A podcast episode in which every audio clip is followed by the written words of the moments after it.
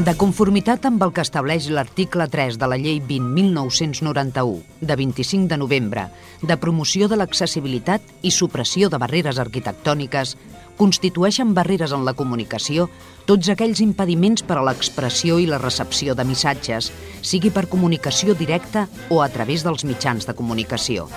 És per això que emparant-nos en aquesta llei, volem que cada ciutadà gaudeixi del seu propi espai per moure's, un espai sense censura, un espai en què vosaltres sigueu els protagonistes. En definitiva, un espai per tothom. Benvinguts a Espai Vital. Senyores, senyors, què tal? Bon dia, com estan, com es troben? Benvinguts a l'Espai Vital. Un espai vital que s'emet per diferents emissores de ràdio. Mm, no les comentarem perquè a poc a poc us aneu afegint més emissores. Senyores i senyors, comencem amb 3, 2 o 1. Això és Espai Vital.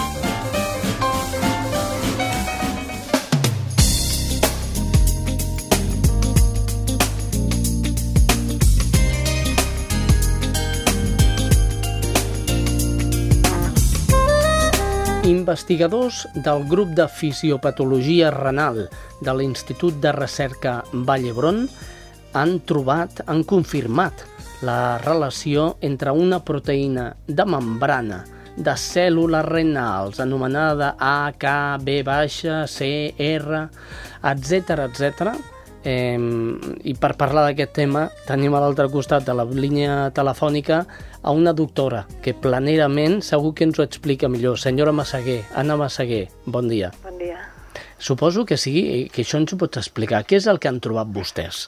Bueno, nosaltres vam trobar ja fa un temps una proteïna, aquesta proteïna de la que vostè ha començat a parlar i que no cal tornar a repetir el nom perquè és una mica feixuc, doncs la vam trobar que estava més expressada, vol dir representada en, el, en els tumors renals de cèl·lula clara, que és un tumor molt agressiu, pel qual no hi ha un bon tractament. Ara sí, però tampoc són curatius els tractaments. I, i nosaltres vam trobar que aquesta proteïna estava sobreexpressada en els tumors i ara el que hem vist és que, evidentment, doncs, hi ha una correlació entre la malaltia, el grau d'aquests tumors, el grau de malignitat d'aquests tumors i la presència de la proteïna en l'orina, perquè aquesta proteïna pateix un trencament i part d'ella s'allibera a l'orina. La podem detectar a orina i ens informa eh, doncs, que hi ha un tumor i que d'aquest tumor, en funció dels nivells de la proteïna, doncs, probablement sigui més, més greu que un altre que en té pocs, poc, pocs nivells d'expressió en l'orina. Eh, també hem vist que, i això és bastant relevant, que no només està aquesta proteïna en el carcinoma renal de cèl·lula clara, que és el més, és el més comú, el més eh, habitual i el més metastàsic, més maligne, sinó que també està en un altre tipus de tumor renal, que és el carcinoma papilar.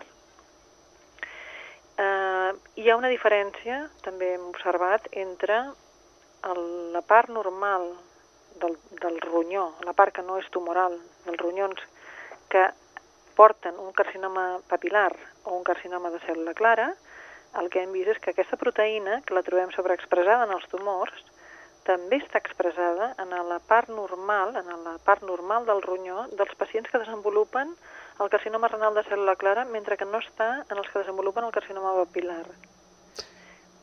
Doctora, a, a mi el que m'ha quedat clar eh, de, del que ens ha explicat i que suposo que la gent que en aquests moments ens escolti, suposo que li passarà el mateix, uh -huh. és que a través d'un anàlisi d'orina eh, podem veure si tenim un tumor. Bueno, això seria dit molt ras i curt, però sí, seria així. sí. Uh, aquesta és una proteïna, s'ha de dir, que també està, també està expressada en el ronyó normal, a la part normal del ronyó, quan, quan el ronyó pateix un dany Eh? Uh -huh. O sigui, no és exclusiva del càncer renal.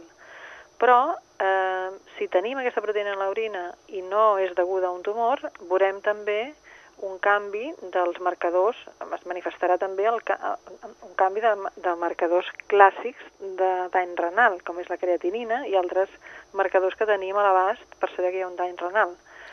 Quan això passa, doncs probablement no tingui res a veure amb el tumor, però si no hi ha dany renal i aquesta proteïna sí que està a l'orina, llavors sí que ens alerta de que hi ha un tumor.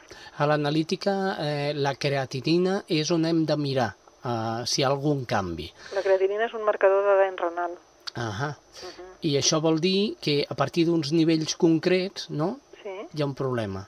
Sí, sí. Seria capaç vostè de donar-nos eh, uns barems, uns nivells on la gent pugui mirar la creatinina i dir, uf, això... No, això, això, ho miren, això ho miren eh, habitualment els analistes clínics i està molt, molt ben, molt, molt, és molt conegut, no? Per sobre d'uns nivells depèn també de l'edat, del, de la raça, del sexe, però bueno, hi ha uns nivells que per sobre de 1 i mig, 2, doncs ja comencen a pujar una miqueta i poden pujar bastant més, però mm, és, una, és una forma de medir habitual en qualsevol analítica que ens fem regularment per qualsevol cosa. En qualsevol revisió mèdica ens, sempre ens miren aquest marcador.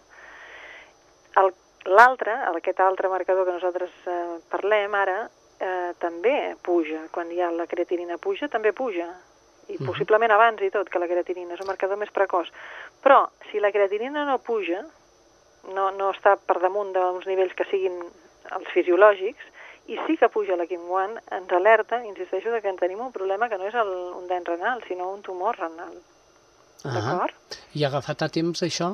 Això és molt important perquè justament eh, el problema de, tremendo dels, de tots els càncers en general, però d'aquest en particular, és que quan es detecta el tumor ja quasi sempre és tard, perquè com no dona cap signe ni cap símptoma, hi ha mesures de medir res, clínic, no hi ha cap assaig bioquímic que ens digui que tenim un tumor, no hi ha marcadors de, de tumor renal o a, l'abast, que els puguem fer servir de forma rutinària, doncs eh, normalment es troben els tumors renals en un estat ja molt avançat i normalment i sovint de, de casualitat, perquè es fan proves per altres motius i es veuen els tumors en el ronyó. Sovint això comporta que ja han metastatitzat aquests tumors i llavors és difícil, és difícil poder poder parar-ho, no? És molt difícil. Mentre que si poguéssim a l'inici del problema amb un simple anàlisi d'orina detectar que hi ha una anomalia, faríem un seguiment molt fi d'aquests pacients, molt, estaríem molt al tanto, els clínics, que tenim magnífics clínics aquí a l'hospital amb qui col·laborem, els uròlegs, doncs podrien mm, ràpidament intentar identificar persones que poden estar desenvolupant un tumor i actuar, actuar en conseqüència, abans de que això sigui massa tard, no? Abans de que això sigui irreparable. Diuen que és important sempre mm, fer una prevenció abans Sí. que una curació, no? Sí, exacte, exacte. I amb el càncer és així, eh? Vull dir, malauradament, quan el càncer està avançat, es poden fer coses, però no tantes. L'important és preve prevenir-ho. Tenim l'antigen prostàtic, no? el PSA famós, que tots Sí. els, això és un, és un biomarcador que ajuda a saber si s'està desenvolupant un tumor, si una hiperplàsia benigna de pròstata ara passa a ser un tumor més que algú benigne, doncs nosaltres una mica el que esperem que passi és que aquest marcador en orina també ens permeti saber quan les coses estan anant d'una determinada manera perquè s'estigui augmentant aquest marcador d'una forma consistent i veiem que allò eh, és un marcador de que s'està formant un tumor o està en marxa un tumor. El que està clar és el, el marcador prostàtic, Mhm. eh, que en podríem dir és el PSA, per a Sí, tots aquells el que es mirin el PSA, Mhm. doncs aquest és el d'homes i en dones ja l'altre marcador que comentàvem. Mm, No. Veu? Seria... Veu? No, no, no, no, no. Aquest, el que estem comentant nosaltres, serveix per tothom. Ah per homes i dones perquè no hi ha diferències amb, amb tenir un tumor renal. Tant un, home, un home o una dona el poden contraure exactament igual, encara que el de cèl·lules clares, aquest carcinoma renal de cèl·lula clara del que estem parlant, és molt més eh, freqüent en homes que en dones en totes les poblacions estudiades d'arreu del món. És com el de 2 a 1, no? Per cada dona que desenvolupa un tumor renal d'aquest estil, n'hi ha dos d'homes que, que en produeixen de tumors. O sigui que realment alguna cosa sí que... Però és igual, homes i dones tenim ronyons i homes i dones podem desenvolupar un tumor renal. Ah Bueno, doncs és el que volíem saber. Doctora molt bé. Anna Massaguer, moltíssimes gràcies per la seva claredat, per Bueno. les seves paraules planes, i em sembla que la gent més o menys entre els meus equívocs i els seus encerts, al final podrem, podrem treure alguna cosa d'aquesta entrevista. Bueno, Doctora, bueno, gràcies i bon dia. gràcies, vinga, adéu, bon dia, adéu. Fa un mes tenia dos fills, Ara també. Fa un mes m'encantava passejar. Ara també. Fa un mes em quedava dormida cada nit davant de la tele. Ara també. Fa un mes em van diagnosticar esquizofrènia. Fa un segon, jo era la mateixa persona que ara, però tu potser ja no em veus igual. Per la salut mental, no a la discriminació. Sí a les persones. Obertament.org Què passaria si mengessis només una vegada? Que al cap de poques hores començaries a sentir fatiga i mareig. Després et baixaria la pressió i la temperatura corporal. Et sentiries molt feble i perdries el coneixement. Què passa si dones sang només una vegada? Que al cap de pocs dies ens comencen a faltar glòbuls vermells. Després baixen les nostres reserves per fer transfusions.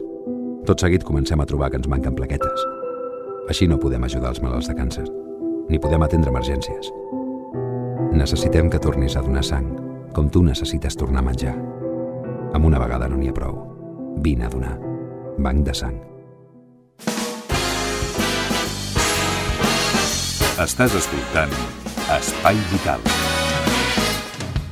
Anem ràpidament a la roda informativa. Una roda informativa que ens acosta les últimes novetats en quant a sanitat i solidaritat. Comencem eh, des de Cerdanyola. Des d'allà ens informa Rosa Morante. Salutacions des de Cerdanyola Ràdio. Les persones voluntàries a Cerdanyola de l'Associació Espanyola contra el Càncer participen en una campanya de recollida de signatures perquè la Seguretat Social inclogui la detecció precoç del càncer de colon a tot el territori espanyol. Així han instal·lat diverses taules de recollida de signatures a diferents indrets de la ciutat, com ara l'Ateneu de Cultura, també diverses farmàcies i els centres d'atenció primària de Serraparera i de Canaletes. Aquesta signatura també es pot realitzar per internet a través d'una de les eh, pàgines de change.org, tal com explica Rocío López, presidenta de la Junta Local de l'associació. El cribatge del càncer de colon, que es vol que formi part dels serveis, de serve dels serveis del Servei Nacional de Salut, és una prova indolora, molt fàcil de realitzar i amb un cost molt baix que ajudaria a detectar precoçment el càncer de colon i també ajudaria a reduir la mortalitat, ja que diversos estudis han demostrat que es cura en un 90% si es detecta a temps. A més, segons López, és capaç de detectar lesions cancerígenes 8 anys abans de que es transformin en càncer. Segons les dades de l'associació, cada any es diagnostiquen 33.600 nous casos i moren anualment gairebé 15.000 persones a Espanya a causa d'aquesta patologia. Amb la diagnosi precoç podria reduir-se en un 30% la mortalitat. I això és tot des de Cerdanyola Ràdio fins la setmana vinent. Gràcies, Rosa Morante. I de Cerdanyola cap a Ripollet. Eh, des de Ripollet ens informa Franzina Ricard. Una salutació als amics i amigues de l'Espai Vital. La setmana passada han començat dos tallers del cicle Genativa que es duran a terme a les dependències del casal d'avis. En total s'han apuntat 62 persones, 40 al taller de memòria i 22 al d'autoestima. Així s'han fet tres grups del taller de memòria els dimarts de 10 a 11 i de 11 a 12 i un altre els dilluns de 11 a 12. Encara hi han 8 places per aquest darrer taller. El d'autoestima els farà els dimecres a partir de les 11 del matí. Inclòs també en el programa Gent Activa s'han preparat unes sessions de cinema que es faran aquests mesos d'abril, maig i juny. I això és tot des de Ripollet. Bona tarda. Bona tarda, Franzina. I ara anem corrents, corrents, corrents cap a Barberà. Des d'allà ens informa Judit González. Salutacions de Ràdio Barberà. Aquest divendres 5 d'abril, components de la Junta Local de l'Associació Espanyola contra el Càncer de Bàrbara del Vallès van commemorar el Dia Mundial contra el Càncer Colrectal amb una campanya informativa al Mercat Municipal 11 de setembre. Els clients i clientes es van poder informar sobre aquesta malaltia i els seus efectes i sobretot es va donar informació sobre els mètodes de prevenció del càncer de colon. El càncer colorectal és el tumor maligne més freqüent al nostre país.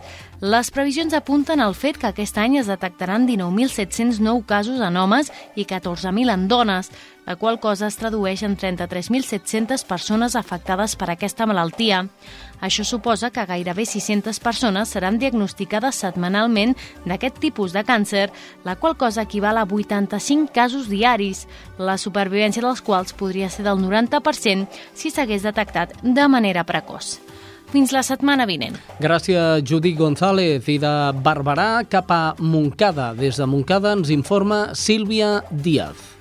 Hola, salutacions des de Montcada, a l'Espai Vital. La Junta Local de l'Associació Espanyola contra el Càncer posa a disposició dels malalts de càncer que reben tractaments paliatius vehicles per traslladar-los des del seu domicili fins als centres sanitaris. Per demanar-ho, els interessats poden trucar directament a l'associació a Barcelona, al telèfon 93 220 09, o bé posar-se en contacte amb la Junta de Montcada i Reixac, que tenen els dijous de 5 a 6 de la tarda a la Casa de la Vila, situada al carrer Major. D'altra banda, a final de març, la Junta Local de Montcada va recollir signatures a favor que la Seguretat Social inclogui la detecció precoç del càncer de colon a tot el territori espanyol en una carpa davant la Casa de la Vila, coincidint amb el Dia Mundial d'aquesta patologia que es va celebrar el 31 de març. Les voluntàries també informaven sobre aquest tipus de càncer, el primer tumor maligne en incidència i el segon en mortalitat. Segons les dades de que disposa l'organització, cada any es diagnostiquen 33.800 nous casos i moren anualment gairebé 15.000 persones a Espanya a causa d'aquesta patologia.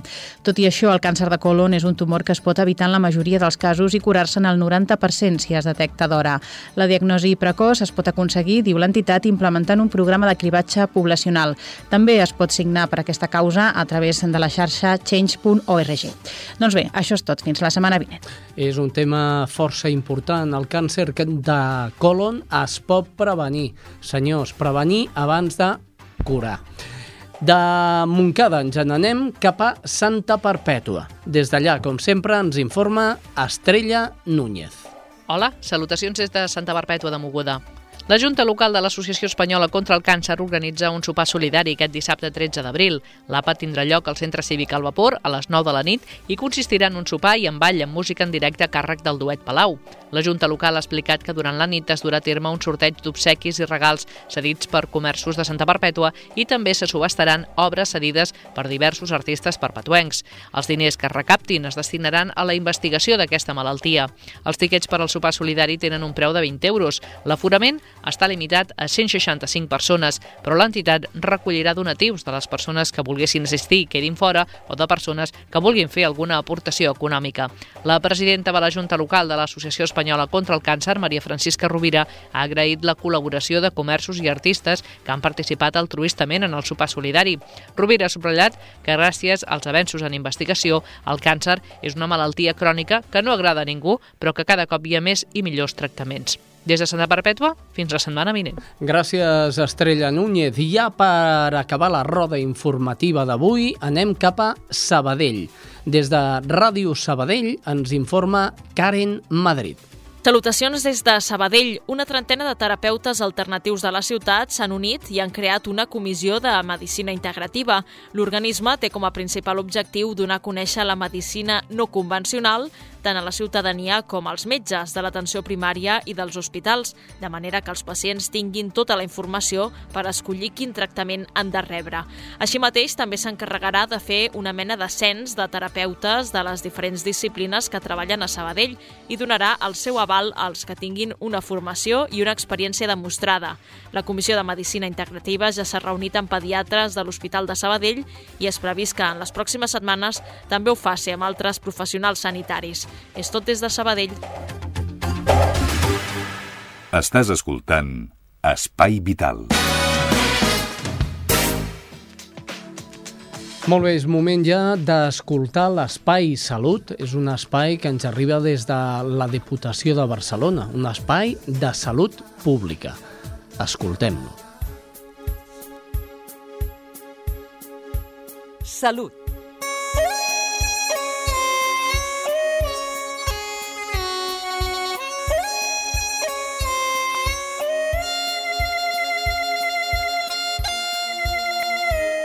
Amb la col·laboració del Servei de Salut Pública de la Diputació de Barcelona.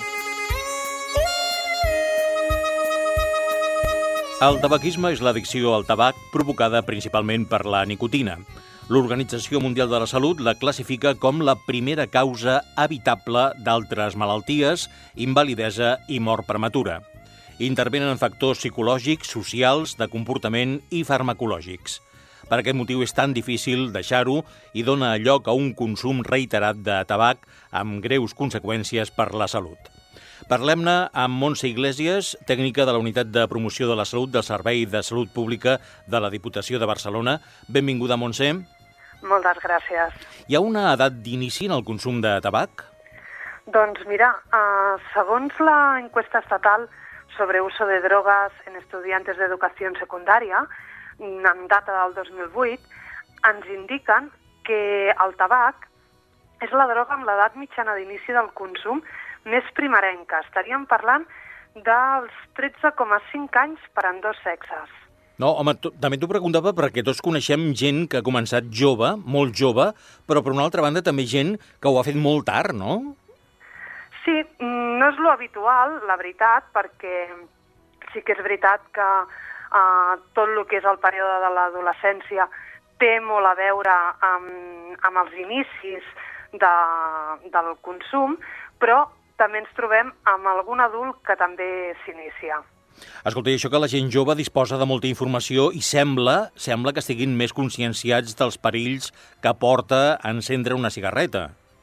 Sí, però com tu molt bé has dit a, eh, en la introducció, uh, tot el tema del tabaquisme intervenen molts factors psicològics, socials, i pensa que sobretot en l'adolescència aquests factors tenen molt de pes. Els motius que ens porten a fumar, doncs, entrem-hi, quins són, si més no els majoritaris, Montse? Sí, doncs mira, uh, pel que fa sobretot en, en la població adolescent, en la població més jove, ens podem trobar uh, sobretot amb una forma de pressió social. Val? Uh, aquesta pressió moltes vegades inclús ve donada pels seus propis amics i que mitjançant la persuasió, moltes vegades passiva, és a dir, que els companys fumen, passen el cigarret davant teu, no et diuen res, però tots et miren, no? o inclús una persuasió més agressiva, on, on es menysprea la decisió del jove a no fumar o et ridiculitzen, et pot portar-te a vegades a iniciar-te. També és veritat que molts adolescents veuen el consum del tabac com una conducta pròpia d'adult, i a vegades doncs, això pot significar doncs, una manera d'acostar-se a aquest món adult. Eh, semblar més gran, ser com els altres, lligar més, però també no hem d'oblidar que justament l'adolescència és una etapa d'experimentació, de curiositat per tot allò que no es coneix o inclús de curiositat per tot allò que, entre cometes, podem dir es prohibeix, no? I aquesta pot ser una de les raons per explicar que alguns nois i noies consumeixen tabac, alcohol o altres drogues precisament en aquesta etapa de la vida. Quines substàncies conté el tabac que enganxa tant, Montse? Doncs mira, el tabac o el fum del tabac conté més de 4.000 substàncies, vull dir, una barbaritat. Mare I meva, sí. Sí, sí, i moltes d'elles molt tòxiques, a més. Però també és veritat que n'hi ha una, que és la nicotina, per tots segurament molt coneguda, que aquesta és la principal substància addictiva. Mm? Llavors, què passa? Que al fumar, aquesta nicotina passa a la sang, a través dels pulmons, i arriba ràpidament a, al cervell, assolint el seu nivell màxim dins dels primers 10 segons d'haver fet una pipada. O sigui, imagina't, 10 segons. Llavors, aquesta immediatesa dels efectes sobre els cervells són les que fa que augmenti el seu potencial addictiu. Aleshores, els problemes de salut que pot causar el consum de tabac a curt i llarg plaç, quins són?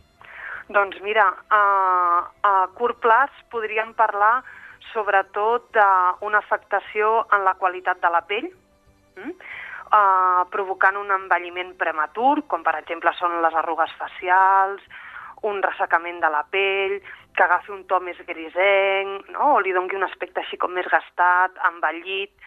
També tenim molts problemes bucodentals, i a més també diversos problemes estètics, com pot ser mal alè, mal olor dels cabells, de la roba, de la roba, perdó, esgrogaïment dels dits amb els quals se sosté el cigarret, per exemple, i a llarg plaç eh, molts d'aquests són també ben coneguts, no? que pot ser el fet de que augmenti el risc de tenir càncer de pulmó. Mm, entre el 80 i el 90% dels càncers de pulmó es poden atribuir al consum del tabac, o sigui que déu nhi a, a, aquesta afectació, i a part també eh, l'aparició d'altres menes de càncer i d'altres malalties greus, com per exemple eh, aquest consum de tabac pot estar al darrere del 80% de casos de malaltia pulmonar obstructiva crònica i del 20% de casos produïts per malalties cardiovasculars. I si es deixa de fumar, aquestes afectacions desapareixen ràpid, en Montse. S'ha dit, no sé, a nivell de carrer corre, que els pulmons sí que ho noten de seguida, no tant al cor, que necessita una mica més de temps, no? Exacte, exacte. Aquesta afectació, la, la veritat és que al, al deixar de fumar eh, va disminuint i sobretot eh, hi ha una millora física, emocional i sobretot de gran satisfacció personal. Per exemple, als 20 minuts de, de quan una persona decideix deixar de fumar, doncs la pressió arterial, la freqüència cardíaca i la temperatura dels peus i de les mans es normalitzen. Per exemple, a les 24 hores el risc d'infart de miocardi disminueix. Al cap de 3-9 mesos, doncs augmenta la capacitat física i respiratòria. Per exemple, després d'un any de, de no consumir tabac, doncs es redueix el risc de malaltia coronària. Vull dir que podem tenir efectes molt, molt a curt plaç i efectes a llarg plaç que ens beneficiaran en la nostra salut. Molt bé, doncs de moment deixem-ho aquí per imperatius de temps, però tornarem ben aviat, ben aviat a parlar del consum de tabac. Bé, mm, de deixar aquest hàbit, no? Encara que no sé si ho dic bé, això de l'hàbit. O és un vici, o una malaltia, o una droga... Ho aclarim en el següent espai, eh, Montse? Perfecte. Montse Iglesias, tècnica de la Unitat de Promoció de la Salut del Servei de Salut Pública de la Diputació de Barcelona. Gràcies i fins aviat. Moltíssimes gràcies.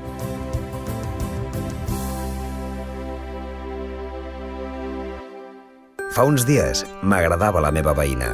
Ara, també. Fa uns dies em costava arribar a fi de mes. Ara també. Fa uns dies m'encantava anar al cine. Ara també. Fa uns dies em van diagnosticar un trastorn bipolar. Fa un segon, jo era la mateixa persona que ara, però tu potser ja no em veus igual. Per la salut mental, no a la discriminació. Sí a les persones. Obertament.org Mandile es de Zimbabue, tiene 15 años y es seropositivo. Ecedine es de Etiopía, tiene cala azar. Sufre malaria. Tuberculosis. Mal de Chagas. El diagnóstico es complejo. Es una enfermedad que sin tratamiento es mortal. Sin embargo, su precio es alto para alguien sin recursos. El problema es muy simple. Sin acceso al tratamiento, no hay cura. A tu salud, Negash. A tu salud, Isaka. Si te duele que miles de personas no tengan medicinas para curarse, compra en tu farmacia las pastillas contra el dolor ajeno. Cada euro se destinará a tratar enfermos olvidados. Pastillas contra el dolor ajeno. Tú te las tomas, otros se curan. A tu salud, Ereni.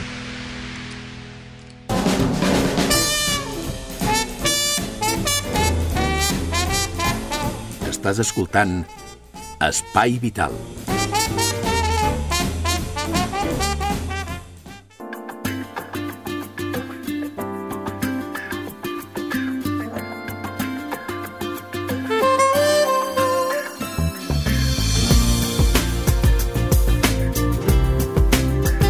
Desactivar el nervio óptico simpático renal corrige la hipertensión resistente. ¿Qué es la hipertensión resistente? ¿Qué es el, el, eh, el nervio simpático renal?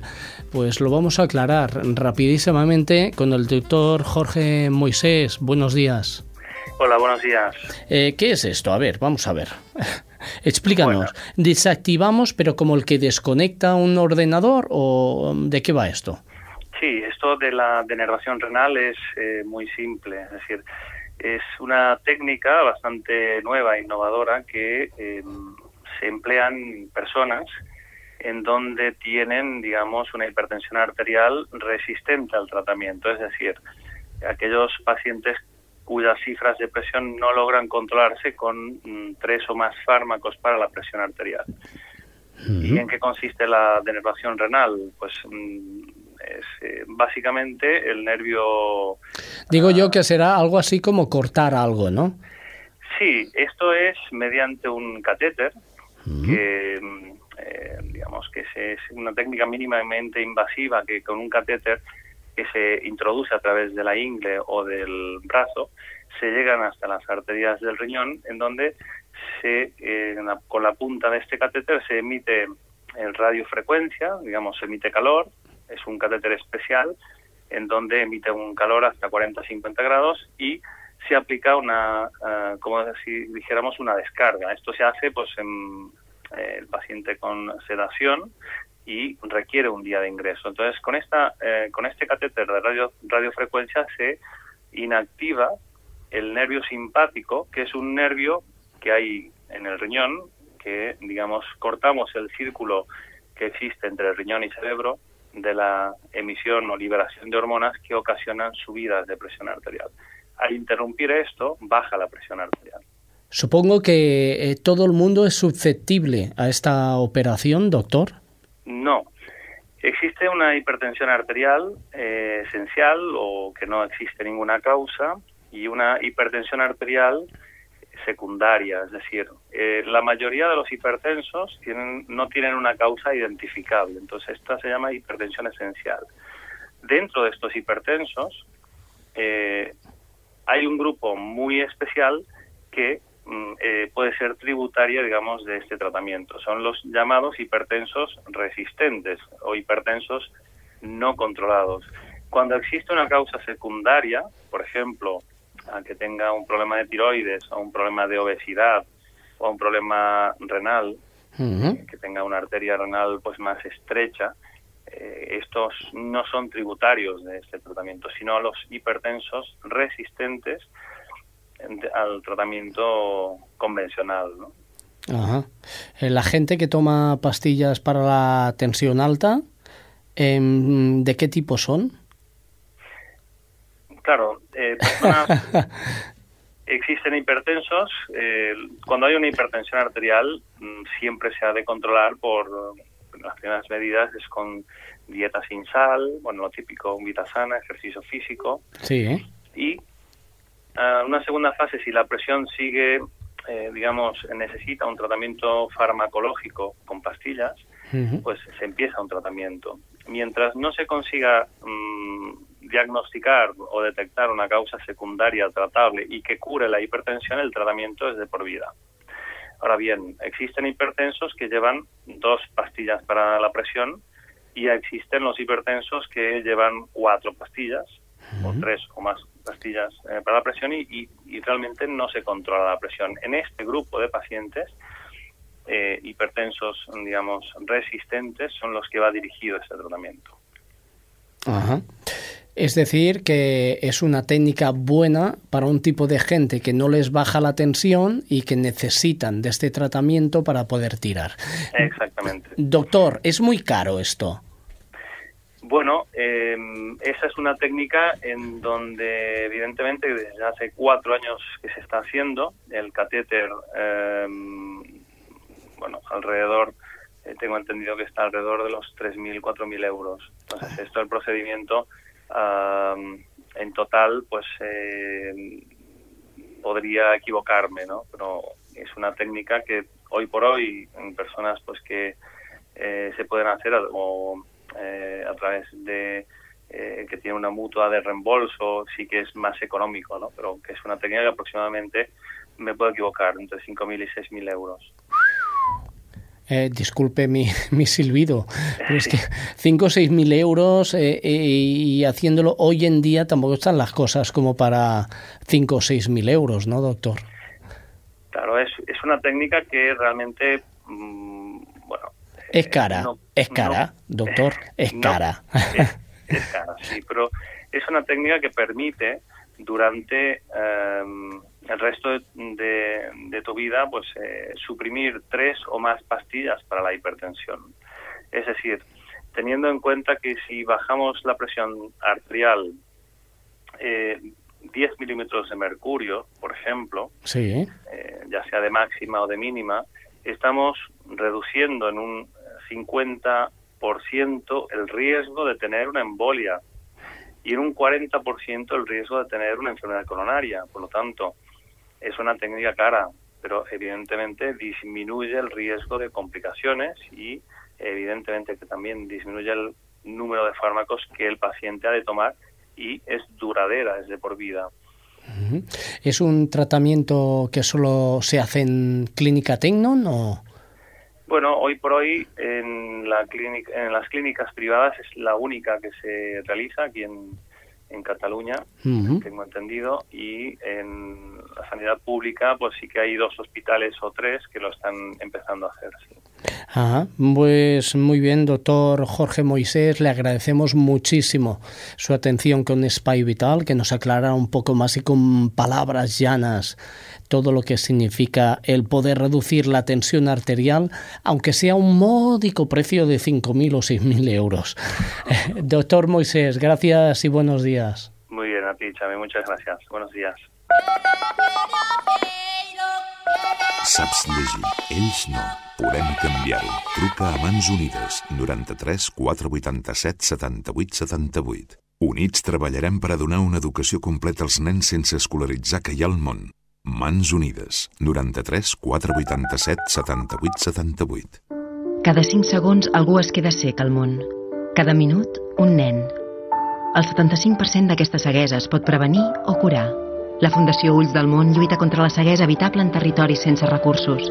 Ajuda'ns a fer arribar a més ulls el dret a la visió. Ulls del Món.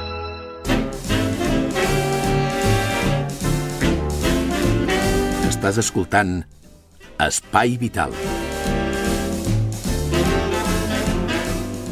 La revista Nature Genetics ha publicat un estudi pioner que explora un nou mecanisme que pot contribuir al desenvolupament de diversos tumors, incloent la leucèmia limfàtica crònica, una forma de càncer que afecta més de 1.000 nous pacients cada any a Espanya.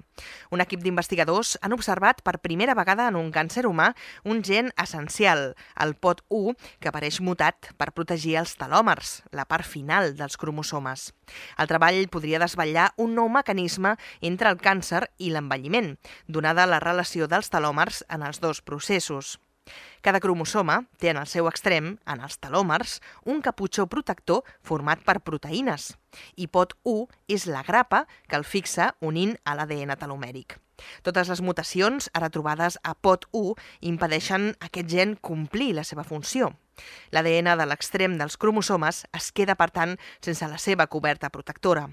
Aquest treball el dirigeix Maria Blasco, investigadora i directora del Centre Nacional d'Investigacions Oncològiques, el CENIO, en Carlos López Otín, de l'Institut Universitari d'Oncologia de la Universitat d'Oviedo, i l'Elias Campo, de l'Hospital Clínic Universitat de Barcelona. La leucèmia limfàtica crònica és la leucèmia més freqüent en els països occidentals. Un cop desxifrats els canvis genètics i epigenètics més freqüents en el seu desenvolupament, és necessari conèixer els mecanismes bioquímics alterats per poder millorar el diagnòstic i el tractament d'aquesta malaltia. Els diversos gens mutats identifiquen subgrups relativament petits de pacients amb característiques diferents en la seva malaltia. De fet, les mutacions que més es repeteixen es donen en només el 15% dels pacients. Així i tot, la seva identificació representa un gran avenç, perquè és un pas cap a l'objectiu de les teràpies personalitzades adaptades al perfil genètic de cada tumor. Els pacients amb mutacions en POT1 pertanyen al grup amb pitjor diagnòstic. Per tant, la intervenció terapèutica sobre aquesta ruta podria ajudar al tractament d'un grup de pacients que tenen unes perspectives clíniques molt desfavorables. Això és Espai Vital. Espai Vital per totes les emissores de la comarca. Eh, què us sembla si escoltem, si fem una mica de teatre i escoltem el capítol número 15 del Mont Groc, un llibre d'Albert Espinosa. Recordeu, Albert Espinosa, el director de Polseres Vermelles. Escoltem-lo.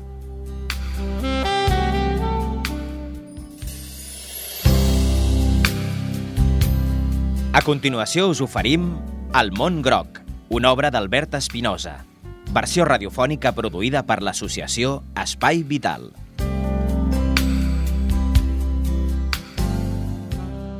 Tretzè descobriment. La recerca del sud i del nord. Aquest consell parla per si mateix. No em vull allargar en una cosa que crec que és tan evident. On ho vaig sentir? A la UBI. Acabava de sortir de l'operació de pulmó i havia perdut capacitat pulmonar. Un pulmó havia desaparegut. Què en devien fer del meu pulmó? Sempre ho he volgut saber. Bé, una infermera se'm va acostar i em va mirar. Em va caronar els cabells. Em va agradar molt. A través de la màscara vaig mirar d'agrair-li, però segur que la meva cara adormida per l'anestèsia devia expressar el contrari. Estava parlant amb una altra infermera que m'estava caronant el dit gros de l'única cama que em quedava. Us prometo que no m'ho invento. Va ser preciós, despertar-te després d'haver perdut un pulmó i rebre tanta tendresa. La noia jove li va dir a la gran «Els somnis són al nord del món sencer. Si els fas realitat, hauràs d'anar al sud». Em va fascinar aquella frase. Gairebé em vaig quedar sense aire. Ben, sort que duia un respirador, així que no m'hi vaig haver d'amoïnar. Se'n van anar i vaig pensar quant de nord em queda per recórrer i quant de sud conqueriré quan faci realitat els meus somnis. En la meva vida fora de l'hospital ho vaig posar en pràctica. De vegades, si tens sort de fer realitat els teus somnis, veus com arribes al nord. Mentalment, veig la part nord de la meva vida. Aleshores, busco un altre somni i em dic a mi mateix aquest deu ser al sud. Ho sé, estava anestesiat i em tocaven dues infermeres. Hauria de fer cas d'aquest consell tan influït per circumstàncies externes? Doncs sí, és el que heu de seguir amb més decisió, perquè és el que em va arribar més endins. Sud i nord. Res més. Busqueu el sud i busqueu el nord. No deixeu d'anar cap a l'un i cap a l'altre. A més de la cura de la seva àvia, la Yamuna necessitarà atenció mèdica, educació i una alimentació bàsica. Apadrinar o ignorar. Tu esculls. Apadrinar un nen o una nena a la Fundació Vicente Ferrer significa donar suport a tota la seva comunitat. Uneix-te a la Fundació Vicente Ferrer i participa en el canvi. Entra a tuescoges.org i informa-te'n. A casa hem acollit l'Òscar fa un mes. Ara viu amb nosaltres. No sé fins quan es quedarà. Mai no havia vist ningú que li agradés tant els macarrons. Crec que els seus pares passen un mal moment, però se'l veu content. Amb els acolliments familiars de Creu Roja, la teva família pot ser, durant un temps, la d'un nen o una nena. Suma-la a la teva vida. Acolliments familiars de Creu Roja. Truca al 93 300 65 65. Amb l'acolliment, tothom guanya.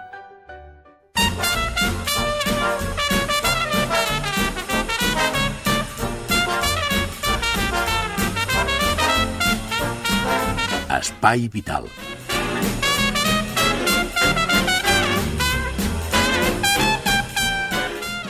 Senyores, senyors, anem amb la cuina de l'Espai Vital, que ens el porta la nostra cuinera. Cuina adaptada de mans de Conxita Naudi. Em sembla que avui era alguna cosa així de llenties monàstiques. Si no m'equivoco, endavant, Conxita.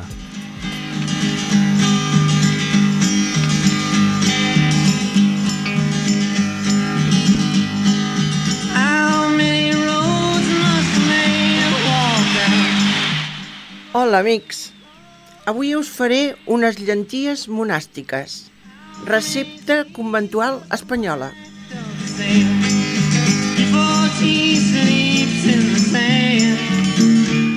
Mireu, els ingredients són per 4 persones. Necessitareu 400 grams de llenties, 100 grams de cebetes, 100 grams de pastanagues, un got de vi blanc, mitja tasseta d'oli d'oliva i un manat d'herbes aromàtiques, sal i pebre negre.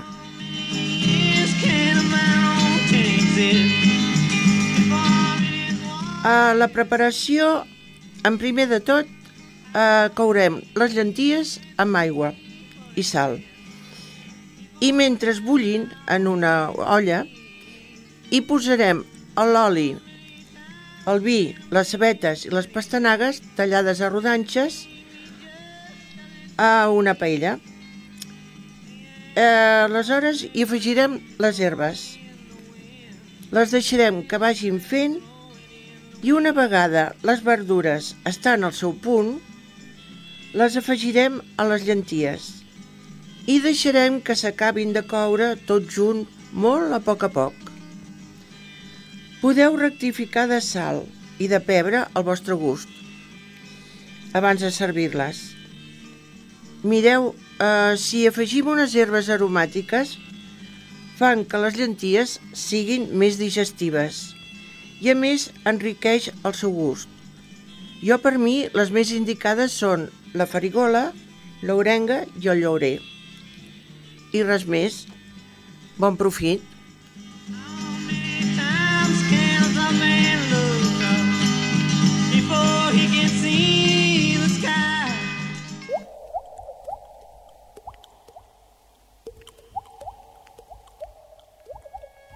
Amb aquestes gotes d'aigua, nosaltres marxem. Jordi Puy, el control tècnic, i aquí, un servidor, davant del micròfon. La setmana vinent hi tornem a estar. No ens falteu. Apa, adiós. Penacho de plumas, penacho de espuma, como de cerveza, como rubia trenza que no cesa.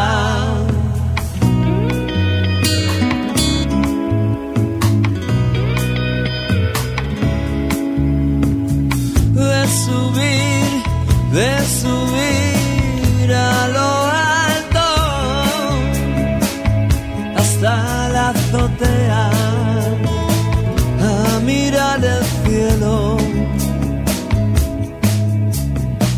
¿Dónde vives ahora?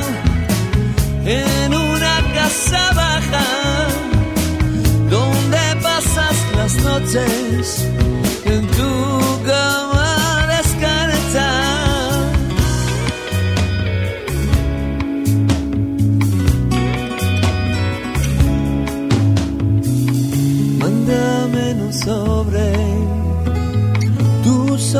Rota. Rápido García, yo te la compongo, se reparan botas, bolsos de cuero y alpargatas, canastos de mimbre, diademas de borlas.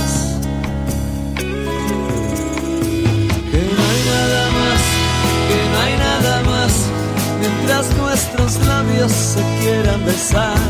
Que no hay nada más, que no hay nada más, mientras nuestros labios se quieran besar. Que no hay nada más, mientras nuestras bocas se quieran besar.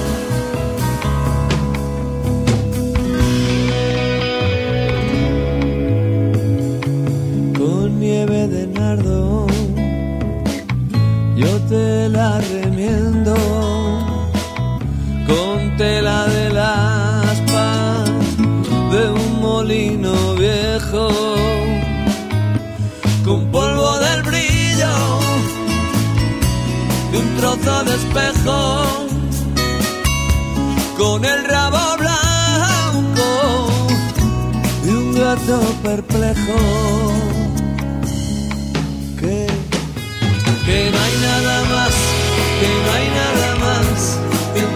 Nuestros labios se quieran besar, que no hay nada más, que no hay nada más, mientras nuestros labios se quieran besar, que no hay nada más, que no hay nada más, mientras nuestros labios se quieran besar, que no hay nada